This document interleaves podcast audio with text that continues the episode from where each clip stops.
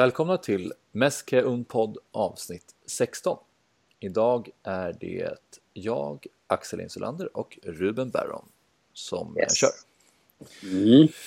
Och eh, vi har ju en del att prata om eftersom eh, det ligger två veckor och eh, några dagar sedan senaste avsnittet. Mm, precis, Påsk, påskfirandet stod i vägen för att det skulle komma ut exakt. exakt. Men det är ju, herregud, påsken, Jesus, det är viktiga saker. det, man måste stanna upp ibland. Mm. Men vi ska idag prata om Sevilla-Barca såklart. Och eh, sen ska vi också diskutera Champions League som kommer nu i veckan. Vi spelar in den här eh, tisdag förmiddag, match mot Roma onsdag kväll på Camp Nou. Mm. Vi ska prata om den matchen och eh, lite ingångsvärden där. Ska vi prata om Iniestas situation, hans vara eller icke vara i Barcelona nästkommande säsong. Och eh, Umtiti, vad han har gått ut och sagt och eh, sanningshalten i eh, det och sen ska vi avsluta med att beröra en ganska intressant artikel med statistik som eh, vittnar om eh, hur det ser ut i eh, Valverdes Barcelona. Så det är det som ligger framför oss nu. Vi börjar med att eh, prata lite om matchen mot Sevilla lördag kväll. Eh, jag såg inte matchen eftersom jag var på påskfirande och eh, hade tänkt att se den i efterhand men blev träffad av resultatet när jag tog upp telefonen så att jag eh, misslyckades med att se den i, i, i efterhand. Men du såg matchen. Mm. Eh, Sevilla var på det stora hela bättre vad jag förstått. Eh, vad tar du med dig eller vad, hur känner du kring matchen? Nej, jag håller med. Sevilla var det bättre laget och eh, Barca gör ju rakt igenom en ganska dålig insats. Det är klart att eh, Messi var inte med, Busquets var skadad. Eh, det är klart att det påverkar ju men, men om man liksom lämnar det för en sekund så gör Barca en, en liksom, lyckas varken få kontroll på matchen eller vara särskilt spetsiga i offensiven och det, det är klart, det är ju eh, problematiskt och det, det 2-2 resultatet var ju ett osannolikt resultat sett i matchbilden, precis som du. Eh, så det, det har du liksom så var det verkligen men, men det, det starkaste bestående intrycket är väl någonstans hur otroligt viktig Messi är för laget i stort men eh, offensiven i synnerhet. Det, det var faktiskt, eh, nu såg inte du matchen men, men det var verkligen sådär att som jag sa, Barca lyckades inte få kontroll på matchen men så byts Messi in och plötsligt så förändras liksom ja, hela matchen egentligen. Det, psykologin på planen ja, dels psykologin på planen, liksom. det är som att Sevilla nästan ja, förvandlas i och med, Sevilla och Barcelona förvandlas i och med att Messi kommer in och sen rent taktiskt och bollinnehavsmässigt så liksom så fort Messis, ja, men Messis blotta närvaro liksom gör att, eller gjorde att Barca ja, man kunde trilla boll och, och, få press på Sevilla helt enkelt. Och det, det, det är ju sen gammalt hur, Messi, hur, hur viktig Messi är såklart men mm. det, det tål ändå att eh, understrykas ytterligare hur liksom hur osannolikt viktig han är för Barcelona och hur, hur otroligt eh, bra han är. Och då gör han faktiskt inte ens en särskilt bra match. Eh, han, han byts in, står för ett par, tre ganska slarviga bolltapp, ser lite halvloj ut. Kanske på grund av skadan, vad vet jag. Men, men som sagt, trots det så han, ja. Hans blotta närvaro liksom förändrar allting och, och sen gör han ju det här, det här 2-2 eh, målet som ju är grymt mm. på alla sätt och vis. Mm. Faktiskt. Mm. Mm. Och det är ju ett eh, problem hur mycket han betyder för Barcelona. Jag vet att vi pratade för några veckor sedan, eller jag lyfte tanken om att så här, jag kommer inte ihåg vilken match det var, men han var borta när han, eh, när han fick barn. Så var han mm. borta och då så tyckte jag att både Coutinho och Dembélé lyfte sig. Jag tänkte att det kanske beror på att eh, de kände att de får större frihet när Messi inte var med. Men nu låter det som att den här matchen så var det tvärtom att spelet låste sig och att de kände att de inte riktigt visste vad de skulle ta sig till utan Messi på planen. Mm. Så att, eh, det, det känns ju verkligen som att det är ett, eh, ett stort, stort problem hur, hur viktig han är för eh, laget. Och det syns väl kanske inte, som sagt nu såg jag inte matchen, men jag kan tänka mig att när han kommer in så blir det för motståndarlaget också att de känner att nu har vi den bästa i världen att, att ta hand om. Att nu måste vi kanske strukturera om lite och sätta två, tre personer som täcker av honom och då uppstår det såklart ytor för medspelarna också. Så han, det är inte Mm. bara det att han är vass med boll utan det är ju när, bara hans närvaro på plan gör ju att eh, Mm. motståndarlaget måste fundera några extra varv. Mm. Nej men precis. Coutinho som var, gjorde en slät, gjorde en slät insats så där och var, var ganska ja, men, trubbig. Eller lyckades i alla fall inte på egen hand liksom, penetrera Sevilla-försvaret. Så fort Messi kom in så blev han du vet, dubbelt så spetsig och, och gör faktiskt en ganska bra prestation eh, från det att Messi byttes in. Så det, och det, det säger ju eh, allt liksom om, om det du är inne på att liksom det, plötsligt måste de zona omkring Messi och då, då öppnas ytor till Coutinho så är dominoeffekten ett faktum. Liksom. Så, Mm. nej, så, är det, så är det definitivt. Eh, angående defensiven, Barca har inte släppt in så mycket mål under den här säsongen och varit väldigt bra rent defensivt och sen nu så plötsligt så släpper de in två stycken. Ehm, Mm. Hur såg det ut rent defensivt? Var det fortfarande ganska tillbakadraget och att Barca låg ganska lågt i positionerna men att Sevilla gjorde två bra mål eller var det slarv eller hur? Vad berodde det på? Eh, så att säga, det kanske är svårt att sätta fingret på det exakt men eh, om du ska försöka. Mm. Nej men alltså först och främst kan man, kan man ju bara, det har vi pratat om förut, men Valverdes spel liksom bygger ju på att de spelar lite mer bakom bollen och, eh, och det gjorde de i den här matchen också men, men i och med att Barca blev så uddlösa framåt och inte lyckades liksom avsluta sina anfall på samma sätt och, och var, var sämre i, i bollinnehavet i och med att Busquets inte var på plats. Det ska, tycker jag vi ska prata lite mer om sådär Mm. eh, hur plågsamt tydligt det var. Men, men för att svara på din fråga, det, i och med att de inte lyckades liksom avsluta sina anfall och var så uddlösa då, då fick ju liksom Sevilla de här kontringsmöjligheterna. Eh, eh, och, och eh, till skillnad från till exempel Chelsea som lyckades sjabbla bort de chanserna och inte var tillräckligt, eh, tillräckligt skarpa Mm. så, så var Sevilla det. Sevilla är ett bra lag liksom, med, med många liksom, ja, men riktigt bra offensiva pjäser och, och då lyckades de straffa eh, defensiven helt enkelt. Och det, så på många sätt är det en prestation som påminner om Chelsea-matchen i det Mm. att Barca inte riktigt fick kontroll på saker och ting. Men skillnaden är, alltså med undantag för att Barcelona ja, inte hade de individuella pjäserna på plats och liksom förlorade medan de, när de vann de individuella matcherna i matchen mot Chelsea så förlorade de vissa av de matcherna mot Sevilla. Eh, mycket i och med att Messi och Busquets inte var där och då, ja, då blir det ju som där och det, det är klart det, det, det ringar ju in lite Valverdes Barca att eh, det vi har, det vi har liksom understrukit gång efter gång är att offensiven har lämnats åt Messi. Han ska fixa den biffen och det är ju klart, ja, det, det går ju eftersom Messi är så bra men det är ju en, en skör tråd liksom. Mm. Eh, och, och det, sen kan väl jag känna också i en match som den här att, att, att eh, det blir liksom plågsamt tydligt för mig i alla fall att, att possession-spelet verkligen står och faller med ja, men ett par, tre spelare. Efter typ tio år så är det fortfarande samma tre, fyra spelare som, Ja.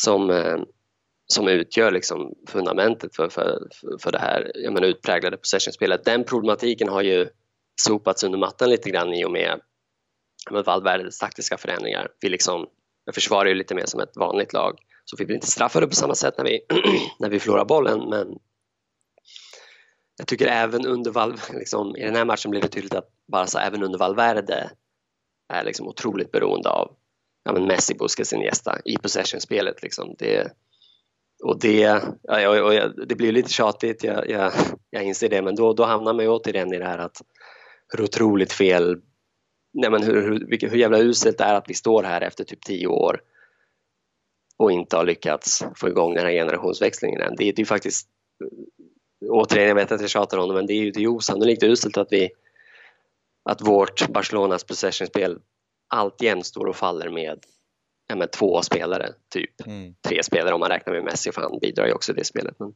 Mm. ja, det, det, det, det är liksom ja, Messi-beroendet och hur skört vårt possession-spel är nu för tiden. Det, det är väl de två liksom, tydligaste grejerna jag tar med mig från den här matchen. Mm. Eh, Mm. Var det bara possession eller var det i det defensiva också just med Sergio Busquets hur han liksom kan äta upp ytor och, och verkligen vara den som återerövrar centralt i banan när de passningarna kommer upp? Ja, så är det ju. Liksom. Eh, han, är ju han, han har ju eh, liksom alltid eh, ett gäng bollerövringar och sådär. Men, men jag, jag kan väl, min känsla var att det framförallt är det liksom förmågan att flytta boll som försämrades i och med. Och att det som en effekt av det så blev det ännu mer en öppen historia av att Barca då, i och med att Messi inte fanns där, så att utnyttja de ytorna, så ja, då föll det platt lite grann. Och det, ja. Sen klarade vi 2-2 på något mirakulöst vis. Det, ska man liksom, det, det, det finns ju en styrka i det, men det, mm. känslan kring den här matchen och hela säsongen är ju att, och det ska vi lite grann, är just att det, ja, men, att resultaten inte rimmar med hur bra vi faktiskt är. Eh, och det, det är klart man kan säga att liksom resultaten, man är ju bara så bra som de resultat man får med sig och resultaten ljuger aldrig men, men i det här fallet så tycker jag ändå de gör det lite grann. Eh, och det, det, i säsongen i stort men i den här matchen i synnerhet. Liksom det, vi ska inte få med oss 2-2 i den här matchen. Det, eh, ja, så det, är, det är en fascinerande, det är ett fascinerande Barcelona på många sätt. Svår, svårt Barcelona att få grepp om. Jag, jag tror jag aldrig har liksom ägnat så mycket tid att sitta och tänka på en Barcelona-upplaga som jag gjort den här säsongen. Att liksom försöka ja, men, du vet, få grepp om dem och försöka liksom nedmontera dem och förstå vad fan det är som pågår. Det, det är ja. fascinerande faktiskt. Och ändå så är de den upplaga som håller på att bli nya Invincibles. Ja, precis. Ja, det, det, och ändå får... står det obesegrade fortfarande. Mm. Vilket är ganska ja, häftigt tycker jag. Nu börjar man ju närma sig och verkligen känna att det här, jag tycker det vore jättehäftigt om, om de klarade sig obesegrade genom hela ligan. Sen så ja. kan man ju prata om huruvida det är rättvist eller inte och huruvida säsongen verkligen kan, spelet verkligen speglas i att, att de är obesegrade. Mm. Det kanske gör det på ett sätt i och med att det har varit ganska defensiv säsong och att de just inte har förlorat så mycket matcher men kryssat ett antal. Och på ett annat mm. sätt så kanske inte gör det eftersom man kan tycka att Barca borde ha förlorat några matcher och kommit undan med nöd och näppe. Mm, jag tycker, det håller jag faktiskt med om. det. Vi ägnar ju, för det, det är vår uppgift, att liksom ägna mycket tid åt att försöka ja, men verkligen eh, ta det Barcelona för vad det är liksom, snarare än att du vet, ja, men ryckas med i, i liksom, den allmänna bilden av Barcelona om hur bra de är. Det, men, men jag tycker precis som du är inne på att man, vi måste njuta av det här bara. Ja. alltså, om man bara den här isolerade säsongen och det faktum att de ja, men att det går så jävla bra. Det, liksom, det finns en gräns för hur mycket man kan sitta och gnälla på något mm. sätt. Säga till mig själv framförallt. Liksom, det, ja, men, det, men det är precis det, det ja, och jag tror att vi kommer, nu kommer vi klara, alltså vi, vi kommer att gå obesegrade, det, det tror jag faktiskt. Det är klart att El Clasico blir tufft men i och med att det är hemmaplan så tror, ja, så jag, jag tror vi kommer klara det och då ja, jag ser inte riktigt hur vi skulle förlora nu i och med att vi klarade Sevilla. Eh, eh, ja, men klarade, klarade av att eh, klarade av den matchen. Jag, och det, det, är ju, man är, det skulle vara otroligt häftigt. Det, det, risken är ju bara, precis som jag varit inne på, att, det, jag menar, att folk glömmer bort att, att, eh, att problematiken, mycket av den problematiken som har funnits faktiskt fortfarande finns och existerar i allra högsta grad. Att man, man får liksom. Jag hoppas att folk kan skilja på saker och ting och på en och samma gång kunna njuta och, av den här upplagan av Barca men samtidigt också kunna ja, kritisera Barcelona som klubb och, och, och, allt det där. Så det är ju också en ganska skör tråd den här obesegrade sviten hänger på för att den dagen om Barca skulle förlora, så att de hade förlorat mot, mot Sevilla nu i helgen då är ju hela det är ju utraderat direkt. Och eh, ja. då är det ju mer så här, okej okay, hur har vi spelat den här säsongen egentligen? Jo, vi leder ligan med x antal poäng. Men eh, vi, det blir ingen obesegrad säsong och man kan ju fortfarande tycka att många matcher har varit inte tillräckligt bra och sådär. Så att eh, om Barca tar sig hela vägen igenom så blir det som att wow, vilken säsong. Om de inte gör det fortfarande en jättebra säsong såklart och förmodligen en ligaseger men ändå mm. ganska med, med många kritiska ögon mot sig. Mm. Och det, det finns ju, vi ska, inte, vi ska inte ägna så mycket tid åt det här men det, det finns ju en liten del av en så med, med, några dagars distans till den här matchen, Sevilla-matchen, så det är klart att det finns en liten del av en som känner att ja, det kanske nog ändå var, skulle varit nyttigt med en förlust så att vi kan gå in i ja, men, till exempel CS-utspelet med ett, ett lite större mått av ja, men sådär, eh, med lite tydligare förankring i verkligheten. Liksom. Ja. Det, för det, ja, som sagt, det, det riskerar ju att, att uppstå någon sorts antiklimax när vi om vi ställs mot Bayern eller City i semifinalerna eh, till exempel och, Mm. och inte kan mäta oss riktigt med dem. Det, ja, så där, så det är alltid förvänt, förväntningar är en vansklig sak. Liksom, Mm. sådär. Match i Champions League. Imorgon kväll, vi spelar in den här tisdag förmiddag, onsdag kväll är det dags för första mötet i kvartsfinalen mellan Barcelona och Roma. Vi börjar på hemmaplan på eh, Camp Nou. Vi kan börja med, med bara det. Vad tror du? Vad är bäst för Barca? Börja hemma eller borta? Att börja borta är väl bättre tror jag rent...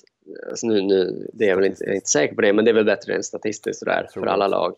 Eh, Men sen i synnerhet för Barca så känns det som att vi... Nu, nu är det väl inte så troligt att vi ska falla igenom på...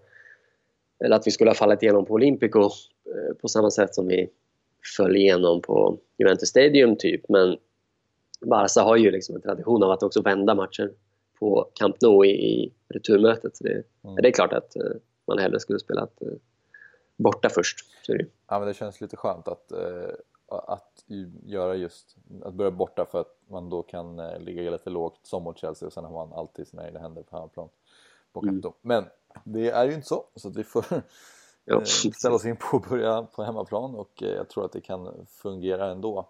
Vad, vad tänker du spontant kring att ställas mot Roma?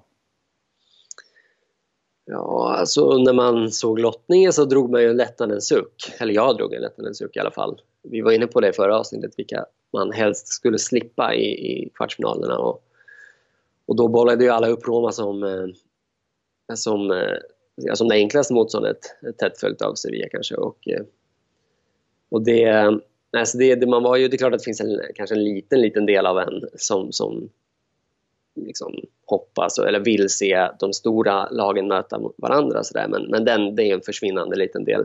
Så jag, jag var liksom nöjd med, med lottningen så, eftersom jag inte tror att vi skulle klara av att bräcka de, de stora elefanterna i år. Men, så det, är väl, det är väl det först. Sen, sen Roma, ja det, det är klart att med all respekt för Roma, det är klart att vi ska slå dem. Alltså, det är inte svårare än så. Det, de har ju en sådär eh, okej säsong bakom sig. Eh, började bra, nu har inte jag järnkoll på Roma så, men började bra men sen i takt med säsongen har avlöpt har de liksom, vet, precis som många andra, de har alla andra lag egentligen fallit bakom Juventus och Napoli och de är inte på något sätt och nosar på, på ligatiteln där och det, och det säger väl någonting om Roma. Sen är det ju så här, Roma är ett liksom lag, om man, lite, om man zoomar ut lite grann så har, de har ju skaffat sig Monchi som sportchef som var i Sevilla länge och som var, gjorde ett bra jobb i Sevilla och det, det är klart att de de går väl rimligtvis en ganska ljus framtid till mötes men de är inte riktigt där än mig säga. Nej, nej, alltså de ska ju ändå någonstans ställas av men eh, Mm. de har ju ändå en relativt hög högsta nivå om man kollar på det mötet när de slog Napoli på bortaplan eh, i början av eh, mars, gjorde fyra Mm. mål och Dzeko var i bra form. De har ju, om man kollar på deras bästa elva så har de ju många bra fotbollsspelare men Mm. de är inte på något sätt vassare än vad Chelsea är till exempel. Nej, precis. Ehm, Så att eh, det ska ju det ska inte vara så, så problematiskt egentligen. Ehm, Sen har de några spelare som, som jag tycker är intressanta. Du nämnde Dzeko, han är ju bra såklart, målfarlig så, men är han eh, lite osäker på Cengi, en Ynder, turken, mm, just det. vänsterfot. Han, är- han, det lilla jag sett i Roma nu på sistone, han, han ser faktiskt riktigt bra ut. Otrolig avslutare, alltså har ett, har ett, har ett vasst skott. Alltså. Ja. Och du vet, fin vänsterfot kan liksom vika inåt ibland, lite sådär Dybala, lite Dybala-lik så tillvida. Liksom. Ja, Även fast jag tycker Dybala är bättre såklart. Så. Han, honom får vi hålla lite utkik på, tycker jag. ja, Och sen ska vi konstatera också, eh, det skulle du säkert kommit fram till, men, men att eh, Nainggolan verkar ju, och Perotti tror jag, eh, argentinare, båda de verkar vara skadefria. De, båda de gick ju sönder för inte så länge sedan och var frågetecken inför eh, matchen mot Barca, men verkar eh, hinna tillbaka i tid. Och det, ja, det är, framförallt Nainggolan är väl, så vitt jag kan bedöma, väldigt viktig för dem. Så det är klart att det är ju det är lite synd. Vad, ja det är det. Vad är det senaste angående Busquets förresten? Eh, vad tror man Ja. att han kommer hinna tillbaka till matchen imorgon? Det tror man. Mm. Eh, han tränade igår tror jag. Okay. Så här, span, vet, katalanska blaskorna skriver att, att eh, Sport och så skriver att han ska att han, att han kommer spela helt enkelt. Ja. Och det känns ju otroligt eh, skönt. Det, det gör det verkligen. Ja. Men eh, om man ska prata lite matchbild då. Mm. Hur eh, kommer matchen imorgon på Camp Nou att se ut? Känns som att man skulle kunna läsa den ganska enkelt, men vad, vad tror du? Ja, alltså det, det, det, det finns ju fog för att eh, hoppas och nästan kräva att Barca ska styra matchen eh, faktiskt. Och det, det, det är väl egentligen min... Det är klart att jag framförallt vill att Barca ska vinna men jag hoppas verkligen att Barca kan, till skillnad från matchen Chelsea, prestera en bra fotboll kollektivt. Liksom. Det är väl nästan det jag hoppas på mest på något sätt, bort utöver att faktiska resultatet. Så, ja, men jag, man vill ju se att de på ett eller annat sätt lyckas kontrollera matchen.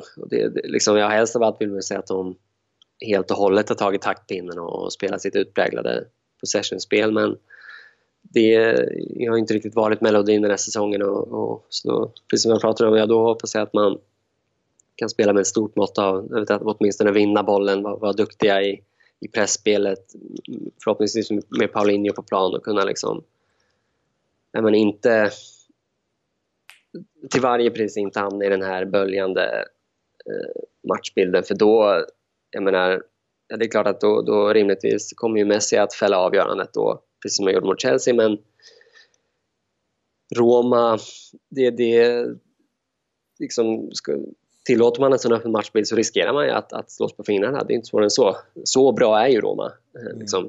Eh, så, så framförallt vill jag, vill jag att Barca ska prestera en, en tydlig och bra fotboll. Liksom. Ja, och ganska modig fotboll, tänker jag. Alltså om man kollar på matcher när Barcelona har andra mötet på Camp Nou så vet de förutsättningarna innan. Okej, okay, vi måste göra två, tre mål eller okej, okay, vi måste göra... Eh, ja, vi, vi, vet förutsättningarna men nu så är det här första mötet och då känner jag så här, ta tillfället i akt och försök att töda matchen eh, mm. från början. För nu är vi eh, på hemmaplan och det finns liksom ingen skäl till att hålla tillbaka eller till att till exempel starta Paulinho kanske. Ehm, mm. Så att, att vi verkligen gör allt för att komma undan med 3 eller 4-0 kanske. Eller åtminstone ett, en eh, mm. skillnad på två mål. Så att det inte blir så att Barca och Valverde känner att Roma är ett starkt kontringslag, vilket de, de har säkert de kan säkert kontra skickligt, men att inte fokusera så mycket på dem istället fokusera på att köra och eh, försöka inte avsluta mötet kanske det kan vara svårt men åtminstone göra så att det blir väldigt, väldigt tufft för dem att komma tillbaka på hemmaplan om, mm. i nästa möte. Mm. Nej, och jag tror väl att Dembélé till exempel kommer att starta mm. och det, det känner jag är liksom rimligt. Min, min bara farhåga är att liksom, eller det är just den här avvägningen mellan att blåsa på rejält och liksom ställa upp med Dembélé, Messi, Iniesta, alla offensiva pjäser samtidigt, blåsa på rejält. Liksom, det, det, går det, liksom, avvägningen mellan det och att försöka att undvika att skapa den här böljande matchbilden. Ja, det är ju det är en svår, liksom, det är ett ganska litet nålsöga. Liksom. Mm. Eh, sådär, så det, det, är väl just det jag är inte helt säker på att Barca kommer klara av att, att just på en och samma gång bli riktigt men, offensiv och faktiskt skapa mycket målchanser. Men, men, för, men för den saken ska väl inte tappa kontrollen. Liksom. Det, Mm. Det är lite svårt. Det här, den här upplagan av Barca lyckas ju inte riktigt med båda sakerna samtidigt eh, hela tiden. Så det, men det är klart, jag håller ju helt med att det, det är klart att vi ska... Det måste finnas ett stort mått av risk i den här matchen. Vi måste ju ta risker och vi måste ju till varje pris skapa målchanser. Det är hemmaplan. Vi, ska ju, vi måste ju göra ett par mål i alla fall. Ja. Allt annat vore ju ett misslyckande. Så. Mm. Ja. Nej, men det är ju som du säger, det har inte varit så många matcher som eh, vi har lyckats framförallt med eh, återerövringen och eh, där tycker jag verkligen man ska försöka trycka på det den här matchen att nu, vi kliver högt, vi ska ta tillbaka bollen, vi ska dominera den här matchen från första början. Mm. Eh, och eh, det, det, hoppas jag verkligen på att, eh, mm. att Valverde går ut och, och säger till, till spelarna. För det vore ju tråkigt om det blev liksom ja, som du är inne på, den här böljande matchbilden, det, det, skulle jag ändå se som lite av ett misslyckande när man möter Roma på hemmaplan.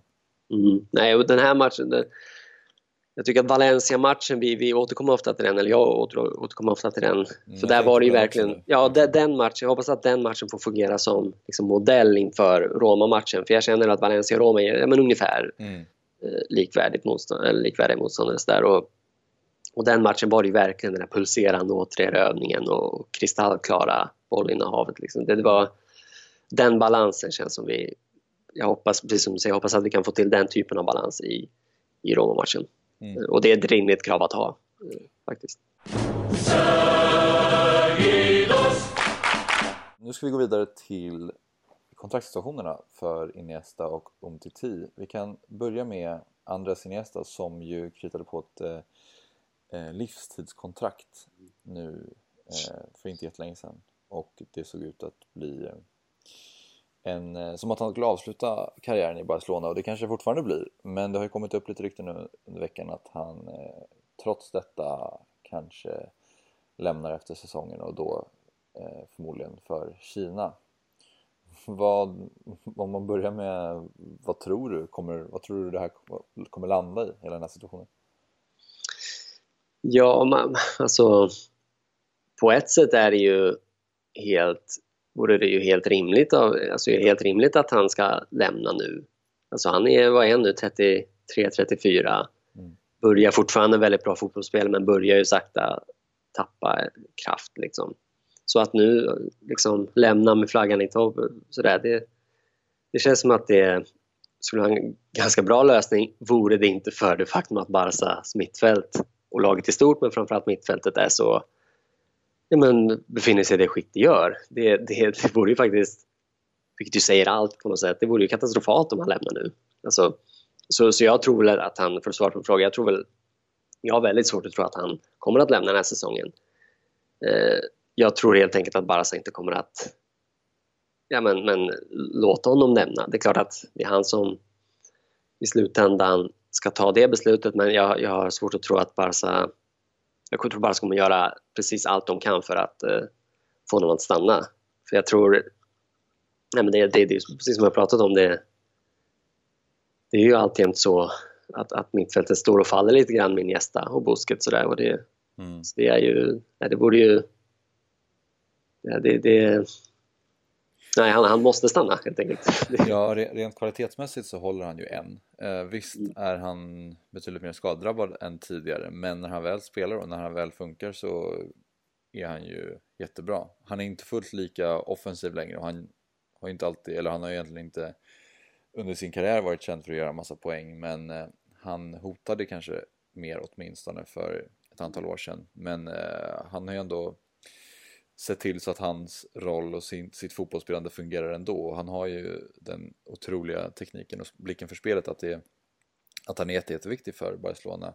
Så att trots att han är skadedrabbad så eh, tycker jag fortfarande att han ska finnas med i truppen. Så alltså, om man har en, en spelare som är eh, superbra och väldigt viktig och sen att han är borta några matcher. Om, om det skulle bli ännu värre så att han skulle vara borta kanske ja, säg 5-10 matcher till per säsong, ja då kanske man kan börja prata om det för då blir det lite hackigt att han kommer in varannan eller var tredje match och ska spela så. Men eh, jag tycker också att han ska vara kvar. Men mm. om du tittar på hans eftermäle eller vad som skulle hända eh, för honom och hans roll som Iniesta i Barcelona och han skulle lämna för Kina. Vad skulle det göra för honom? Vad säger du? Det är ju lite... Det är ju nästan så det går till nu för tiden att, att ikoner liksom lämnar sin klubb och sen vet, landar i, ja, men i Asien eller i, i USA för den delen och sådär. Så nu har man nästan blivit liksom van vid den typen av lösningar. Mm. Men, men det är klart att det, så, den typen av lösningar tar ju emot. Jag tycker det skaver lite grann. Alltså, klart man vill att eh, klubbikoner ska avsluta karriären i, och särskilt när det handlar om spelare som har, som har representerat en och samma klubb under hela karriären. Det är klart att det allra renaste och finaste vore att han, vore att han eh, ja, la skorna på hyllan mm. Eh, utan att representera någon annan klubb. Men det är kanske inte ett rimligt krav att ha och jag har full förståelse för att om han vill det är klart han har tjänat jättemycket pengar i Barca troligtvis men det är klart att han har ju en framtid att tänka på och det, det är klart man unnar Iniesta en, ja. en eh, så ekonomiskt trygg framtid så, så Men det är klart att det, det är som att ta Xavi, exempel Xavi, att han fortfarande snurrar runt i Qatar. Det är klart att det, det, vill man, det ignorerar man gärna. Liksom. Ja, man, men- man, man tänker gärna att nej, han har lagt skorna på hyllan, men det har han ju inte. Han spelar ju fortfarande. Jag tänkte faktiskt eh, exakt på samma sak, att eh, just med, med Xavi, han är ju ändå eh, fortfarande, man ser honom fortfarande som en eh, superstor ikon för Barcelona och hans eftermäle har inte påverkats någonting egentligen. Nej, exakt. Det har ju lite urvattnats det där. Så att eh, jag tänkte först att så här, fan vad trist att han inte ska avsluta karriären i Barcelona och det är väl på ett sätt men det gör ju inte så mycket eftersom han går till just Kina. Om han skulle gå till en annan klubb eller en, en konkurrent eller liknande då hade han ju, då hade det varit en helt annan Ja, det vore ju... men eh, just med tanke på att han går till en plats där han ju tydligt vill tjäna lite pengar innan han lägger av så känner man att det har du väl förtjänat om det är den väg du vill gå. Ja, det har man liksom... Det får man köpa lite grann. Det är så det är idag på något sätt. Det, Mm, mm.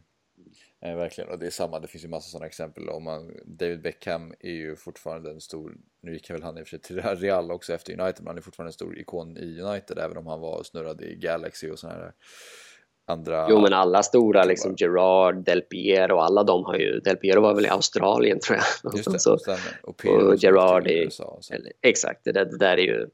Det är ju helt enkelt så det fungerar idag. Men det, Mm, mm. Nej, verkligen. Men eh, bara innan vi avslutar i nästa kapitlet, hur länge tror du att han eh, kommer hålla fotbollsmässigt och hur länge tror du han blir kvar i Barcelona? Alltså det, det är precis som du är inne på, rent fotbollsmässigt håller han ju absolut och är ju, jag menar, kan ju bidra i allra högsta grad i, kanske inte lika mycket i liksom, det, det rent offensiva spelet men, men, men, men i, i speluppbyggnaden så här, absolut. Så det är klart att förutsatt att den inte går sönder helt och hållet så kan han absolut hålla i åtminstone en, en säsong till. Men jag kan väl känna att det, det är inte heller meningen att, att ikoner som Iniesta, att man ska, de ska behöva vet, spela verkligen eh, löpa linan ut på det, på det sättet. Utan det är ju tanken är att ja, men man, man, liksom, man eh, lämnar över stafettpinnen till någon som eh, köps in eller kommer underifrån och, det, liksom, så, och då kan man sköta det på ett snyggt sätt. Man kan gradvis eh, zona ut dem och, och, och sådär. Men det, är- där befinner sig inte Barca just nu och det, är- det är det som är problemet, att, man, att han är så, så viktig. Alltså, det är klart att han är viktig eftersom han är så bra, men att han är jag menar, det, det finns ju liksom inte utrymme att, att eh, gradvis eh, man, man kanske ska vid, vid den första tendensen då man känner att han spelmässigt inte längre håller att han blir för långsam eller vad det nu skulle vara.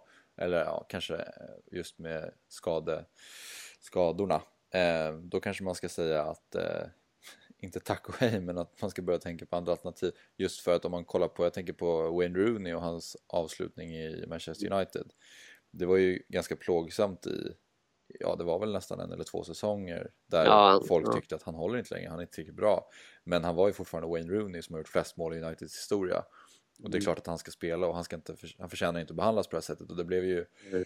just under den tiden han var så pass dålig i United så fick han ju jättemycket hat mot sig. Den spelare som har gjort flest mål liksom. Och den Mm. som, är, som ju är en jätteikon för klubben. Mm. Och det slutade ju med att han fick lämna lite bakvägen tillbaka till Everton liksom. Mm. Eh, och fick väl inte någon enorm avtackning om jag minns rätt heller. Så att, eh, man vill ju att det ska skötas snyggt och att det ska bli rätt när det väl händer. Mm, absolut. Och det, det är svårt liksom. Mycket handlar ju om, just när det är ens ikon exit sådär, mycket, det bygger ju nästan, eller lite grann i alla fall på att, eller så här, ska, ska avskedet bli riktigt snyggt och helt och hållet smärtfritt, ja då vill det ju till att, att klubben i fråga, laget i fråga den säsongen när, när ikonen i fråga slutar har liksom har presterat bra. Det, det gjorde ju att Xavis avsked till exempel blev väldigt smärtfritt. Och att det, var, det, var så, det var otroligt bra stämning kring det. Och, Mm. du vet, vi vann trippel och han fick du vet, lyfta tittarna och det... Mm.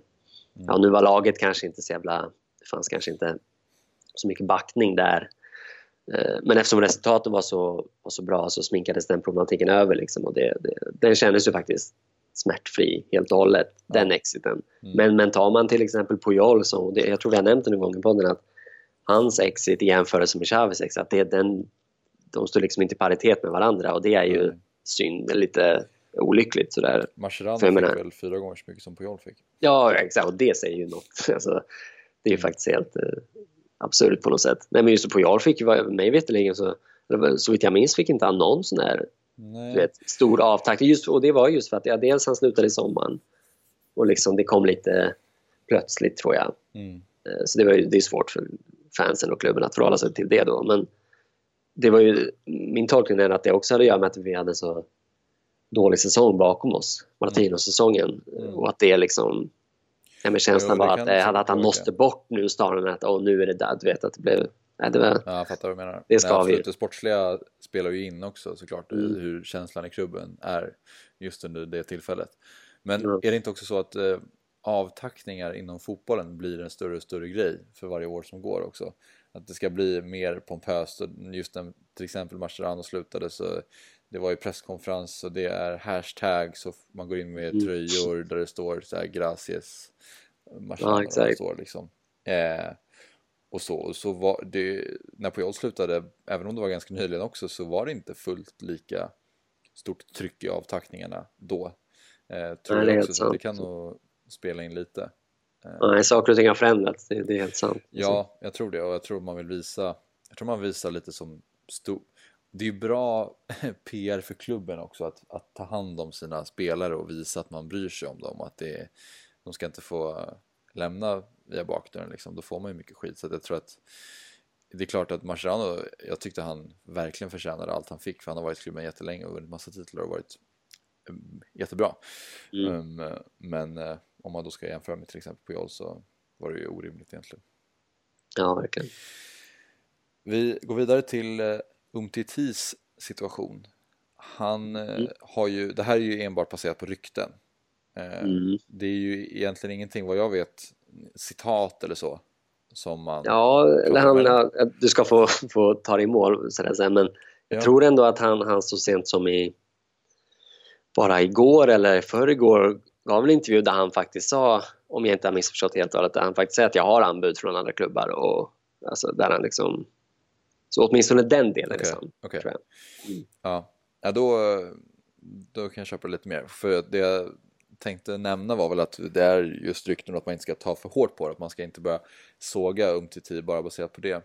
Mm. Men det som har hänt eh, är väl egentligen att han har börjat yttra sig lite om att eh, han har anbud från andra klubbar, att han vill ha framförallt mer betalt och högre lön, tre gånger så mycket som han har i dagsläget, väl, mm. om jag har förstått det rätt. Ehm, och att många då tycker att han är ganska girig eftersom han inte varit i klubben särskilt länge och att han kanske ska lugna ner sig och att det inte är så bra att skapa den oron inom klubben såklart eh, och gå ut med sådana sådana citat. Men okej, okay, men då, då, det vi har att gå på är då dels lite rykten men också, vet du mer konkret vad han sa då under den här intervjun? Nej, men, men alltså, nej, inte mer än att han faktiskt har anbud sådär och att okay. han, han är svävande i sina svar. Men, men så här, det, det, vi kan konstatera är helt enkelt att så här, situationen har ju inte på något sätt urartat och det, det är ju inte så många kritiska röster än. Men men så där han sitter ju, det, det, som är intressant är att han sitter ju på en, i och med att han har tagit sådana enorma steg och, och värvades liksom, och, men han har ju, men samtidigt har en utköpsklausul på 60 miljoner euro bara. Så befinner sig ju klubben i en situation där de inte, ja men de, där de befinner sig i, i rejält underläge vad gäller förhandlingar och sådär och det är ju och det är ju egentligen allt, är ju allt i sin ordning på ett sätt. Det är, klart att, ja, det är klart att uh, Umtiti ska få en fet löneförhöjning. Så många kliv har han ju tagit. Och det är klart att han, han och hans agent, klart att de tar till förhandlingsknep för att få en hög lön. Allt det där är ju kosher, liksom. Det är helt, helt fine. Men, men, men han, det är ju lika fullt en, en, en lek med elden kan jag tycka från Umtitis sida eftersom man nu så tydligt ja, men, men förhalar de här, kontrakt, de här kontraktsförhandlingarna och liksom, det finns ju en gräns för hur länge han kan vänta och, och samtidigt du vet, eh, hålla kvar vid sina lönekrav innan fansen eh, kommer att känna att men vänta nu, det här är Barcelona, vill du inte vara med oss så får du, där är dörren. Ja, liksom. ja. Det, så det där är ju, som sagt, jag, jag tror väl inte att det kommer mynna ut i en sån situation egentligen. Jag tror mm. att det där som sagt det är ett förhandlingsknep och de kommer kompromissa men, men han he's pushing it lite grann kan jag tycka. Mm. Och, och, som sagt, väntar han för länge med att kompromissa vad gäller lönekraven, då kommer, då kommer det uppstå en situation. Mm. Och det, det, är väl det man är lite rädd för. Och, och mm. ja, liksom, jag skulle absolut inte, precis som du var inne på, jag skulle absolut inte eh, liksom kalla det för girig vid det här laget utan det är ju, herregud, alla spelare förhandlar om sina löner och tar ja. till de knep de kan. Liksom. Men det är som sagt, det, är lite, det finns ju en gräns. Liksom. Ja. Mm, ja, precis. Nej, men eh, det, det har inte urartat än och det mm. är än så länge bara en, en förhandling förhoppningsvis. Eh, mm. Kan man väl tänka. Och, och det är inte heller, förlåt jag avbryter, men, men det är inte heller hans fel liksom att, att marknaden har utvecklats som den har. Alltså, det är ju, ja, det är, det är ju en svårläst situation för klubben men om, om något så är det väl är det klubbens fel att de inte lyckades läsa marknadstrenden liksom, mm. i marknaden och gav honom en så låg utköpsklausul. Det, det, är ju det som har försatt mm. oss i den här situationen på något sätt. Nej, nej precis.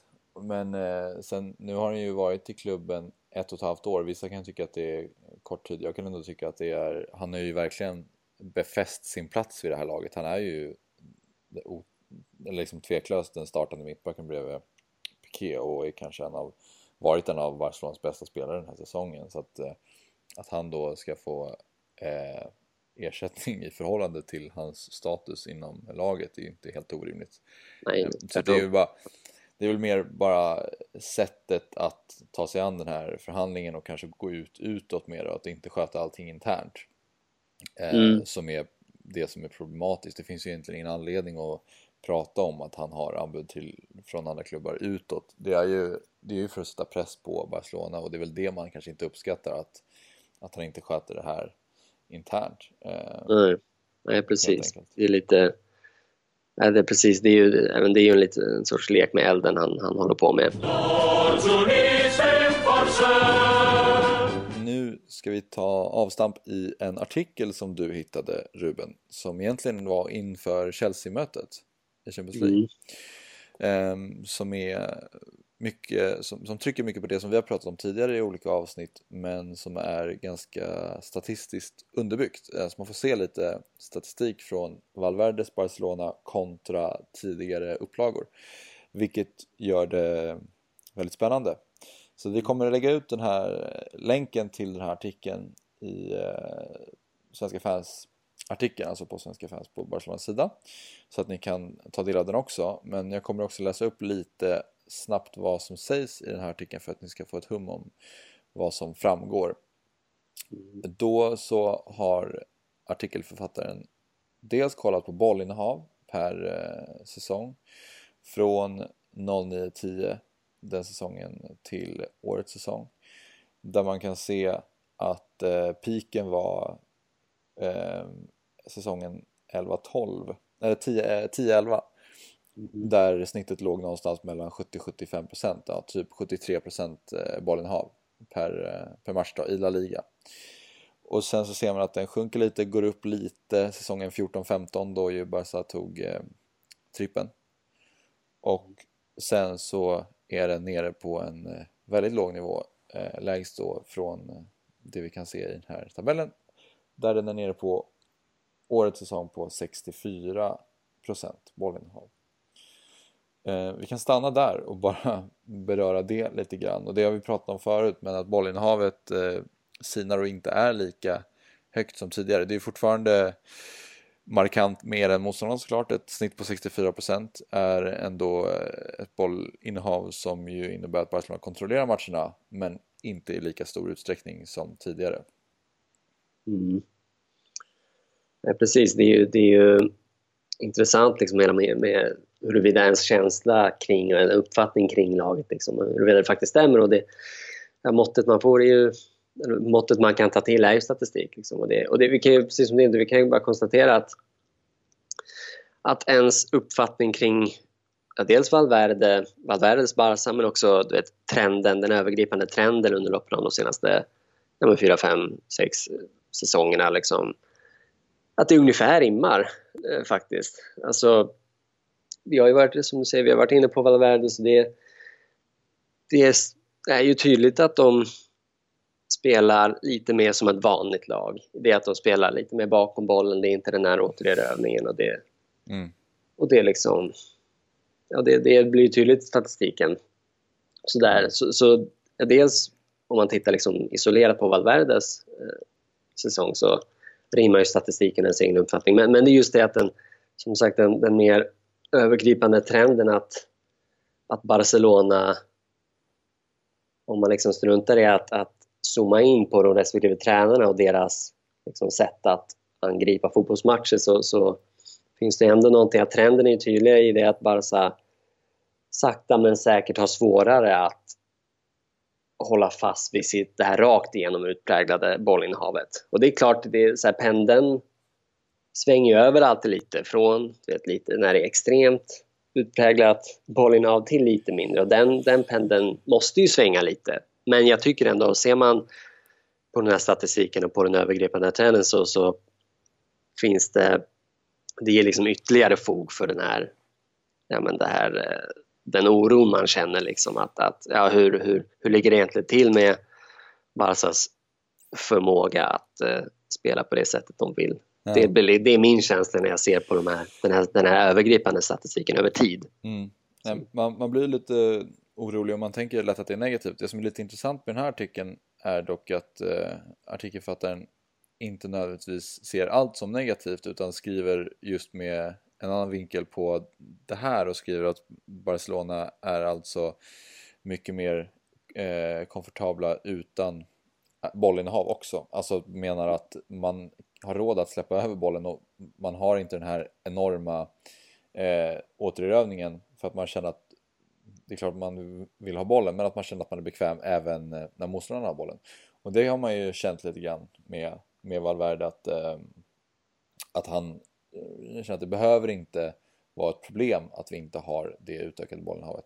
Det, sen får man ju välja sida då i det här. Antingen så är man med honom och känner att det är fine eller så är man mer att bollen ska tas tillbaka. Vi ska fortfarande äga matcherna i enormt hög utsträckning. Mm. Men jag känner liksom att jag, jag, du säger nämna, välja sida, men jag känner lite att jag, jag tycker båda sakerna på en och samma gång. Jag, jag tycker att det är problematiskt sett ur ett lite bredare perspektiv. Mm. Men här och nu är det ju... Jag är ju djupt imponerad av vad jag varit inne på. Det har vi ju båda varit inne på eh, tidigare att man, man, är ju liksom djupt imponerad av Valverdes eh, ja, men arbete och, och, jag tycker den här säsongen, han kokar, kokar ju soppa på spik lite grann. Han har ju på det enda sättet man kan liksom inte ha en krav, krav på det här, den här upplagan av att de ska spela det här utpräglade bollinnehavet. Mm. Liksom. Och då, det är klart, det är under de omständigheterna som Valverde jobbar och mot bakgrund av det så har han gjort ett grymt bra jobb. Det här är ju... Man har ju blivit, om man bara fokuserar på de senaste två säsongerna så har man blivit ett bättre fotbollslag. Mm. Så, så, det är ju först när man zoomar ut som, som man kan liksom utläsa problematiken lite. Så, mm. så. Absolut. Sen berör den här artikeln också Messis eh, betydelse för Barcelona som vi har pratat om tidigare i det här avsnittet och eh, det är ju intressant att få lite siffror på det också. Det den eh, artikeln berör här är ju Messis bolltouch per match, hur många han snittar. Och då kan man se från tidigare upplagor så har det gått lite upp och ner men det har ändå legat runt 90 eh, bolltouch per match. Sen gick det ner drastiskt förra säsongen mm. med en enorm sänkning från att Messi har snittat 94 touch per match till att han gick till 76. Eh, mm. Och eh, det säger ju lite om förra säsongen och hur isolerad han var stundtals under matcherna och hur pass mycket Hawaii-fotboll det var med Luis Enrique sista säsongen. Det fanns ingen bollkontroll mm. under matcherna. Eh, och den ändringen har vi ändå sett den här säsongen så att på så sätt har det varit enormt positivt och det kan man också se i den här statistiken. För att Messi har den här säsongen snittat 88 touch eh, per match, nästan 89.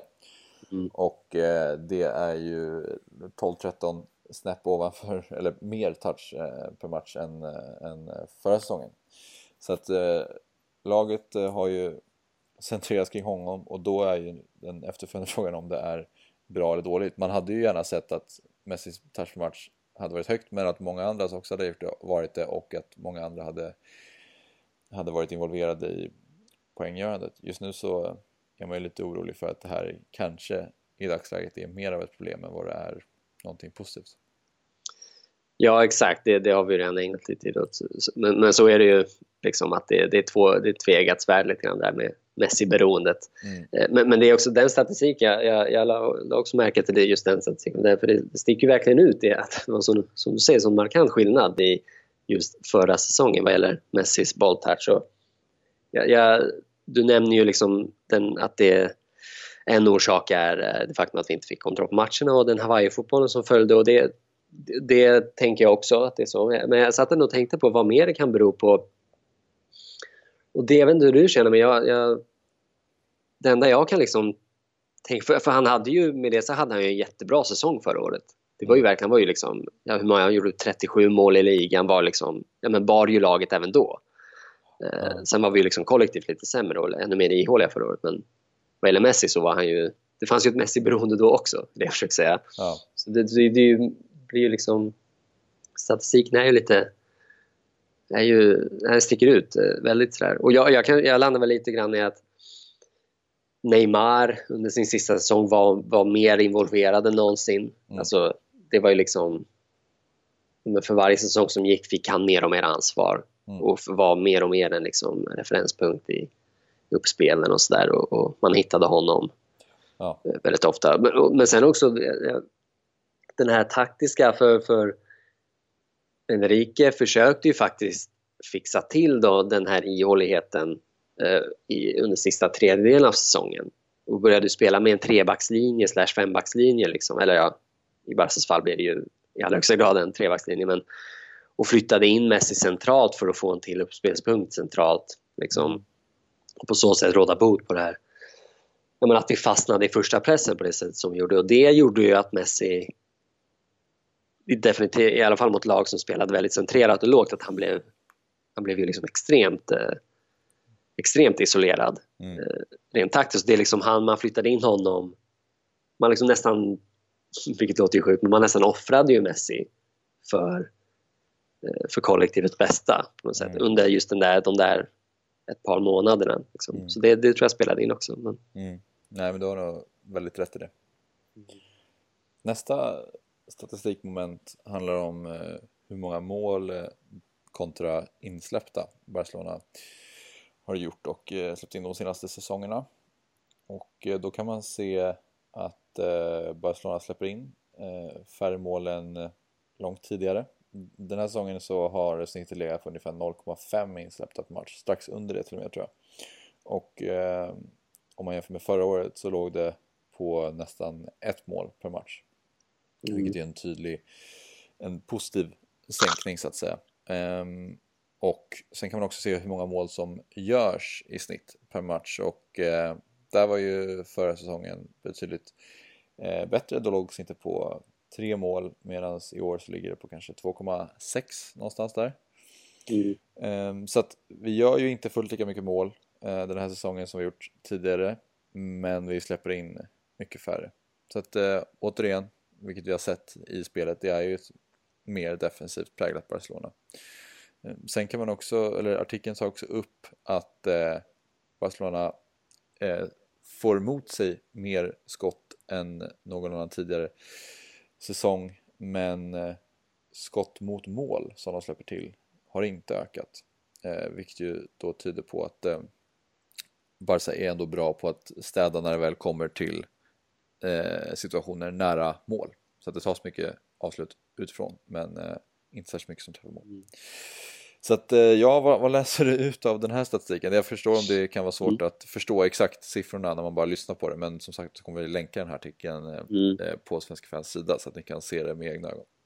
Ja, det är en intressant artikel även själva texten liksom, så den tycker ja. jag ni ska klicka på. Nej men det, alltså allt det, det återigen det är statistik som rimmar med ens uppfattning om laget. Man, man spelar lite, lite mer som ett traditionellt fotbollslag. Det vill säga man, spelar, man försvarar bakom bollen lite mer. Och då blir det ju, den nämnde skottstatistiken är, då blir det ju att man liksom tillåter laget att skjuta lite mer till exempel. Men man undviker då, man zonar lite mer och undviker de här, försöker att undvika de här eh, givna målchanserna. Liksom. Så eh, det rimmar ju helt och hållet med ens uppfattning om den här barsupplagan. Och sen också, vilket vi har konstaterat gång på gång, att, att Valverdes taktiska förändringar har ju liksom skett på bekostnad av, bokstavligen skett på bekostnad av offensiven. Man har plockat ner en, en spelare och satt den på mittfältet och lämnat resten åt Messi. Och det, det, att följden av det blir att vi gör lite färre mål, det är ju, ja, det är ju inte alls överraskande. Mm. Tack för det här avsnittet Ruben. Mm, tack så mycket.